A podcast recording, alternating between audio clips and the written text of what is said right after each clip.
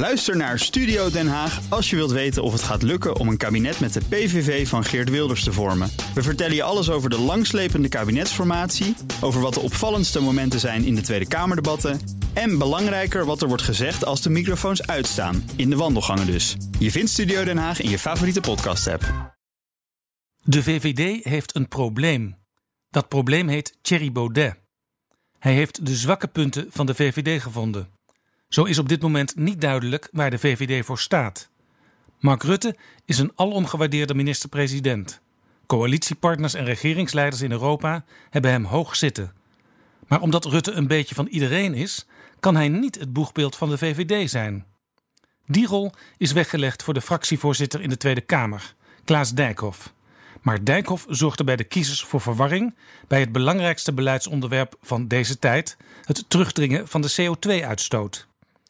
Eerst noemde hij zijn coalitiepartners D66 en ChristenUnie klimaatdrammers.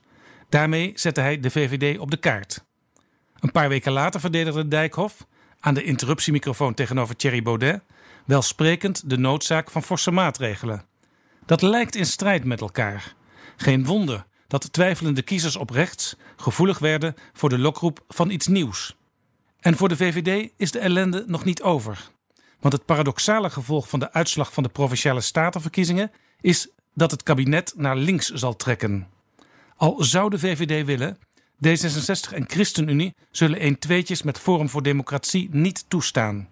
Bovendien is die partij geen stabiele factor. Een linkser beleid zal kiezers niet naar de VVD doen terugkeren. Het ligt dus voor de hand dat Baudet ook bij komende verkiezingen goed zal scoren. Op 23 mei staan alweer de verkiezingen voor het Europees Parlement op de rol. De makkelijkste oplossing voor de VVD is breken met het kabinet en in de oppositie gaan. Dan vreet ze het Forum op en kan ze opnieuw veruit de grootste worden. Maar de VVD van premier Mark Rutte is een partij die verantwoordelijkheid wil dragen. Bovendien is oppositie voeren voor een partij die lange tijd regeerde meestal niet gemakkelijk. Kijk maar naar het CDA in de periode na Ruud Lubbers. Uit het kabinet stappen zou overigens wel een bijkomend probleem oplossen. De VVD heeft in Rutte 3 relatief zwakke ministers opgesteld.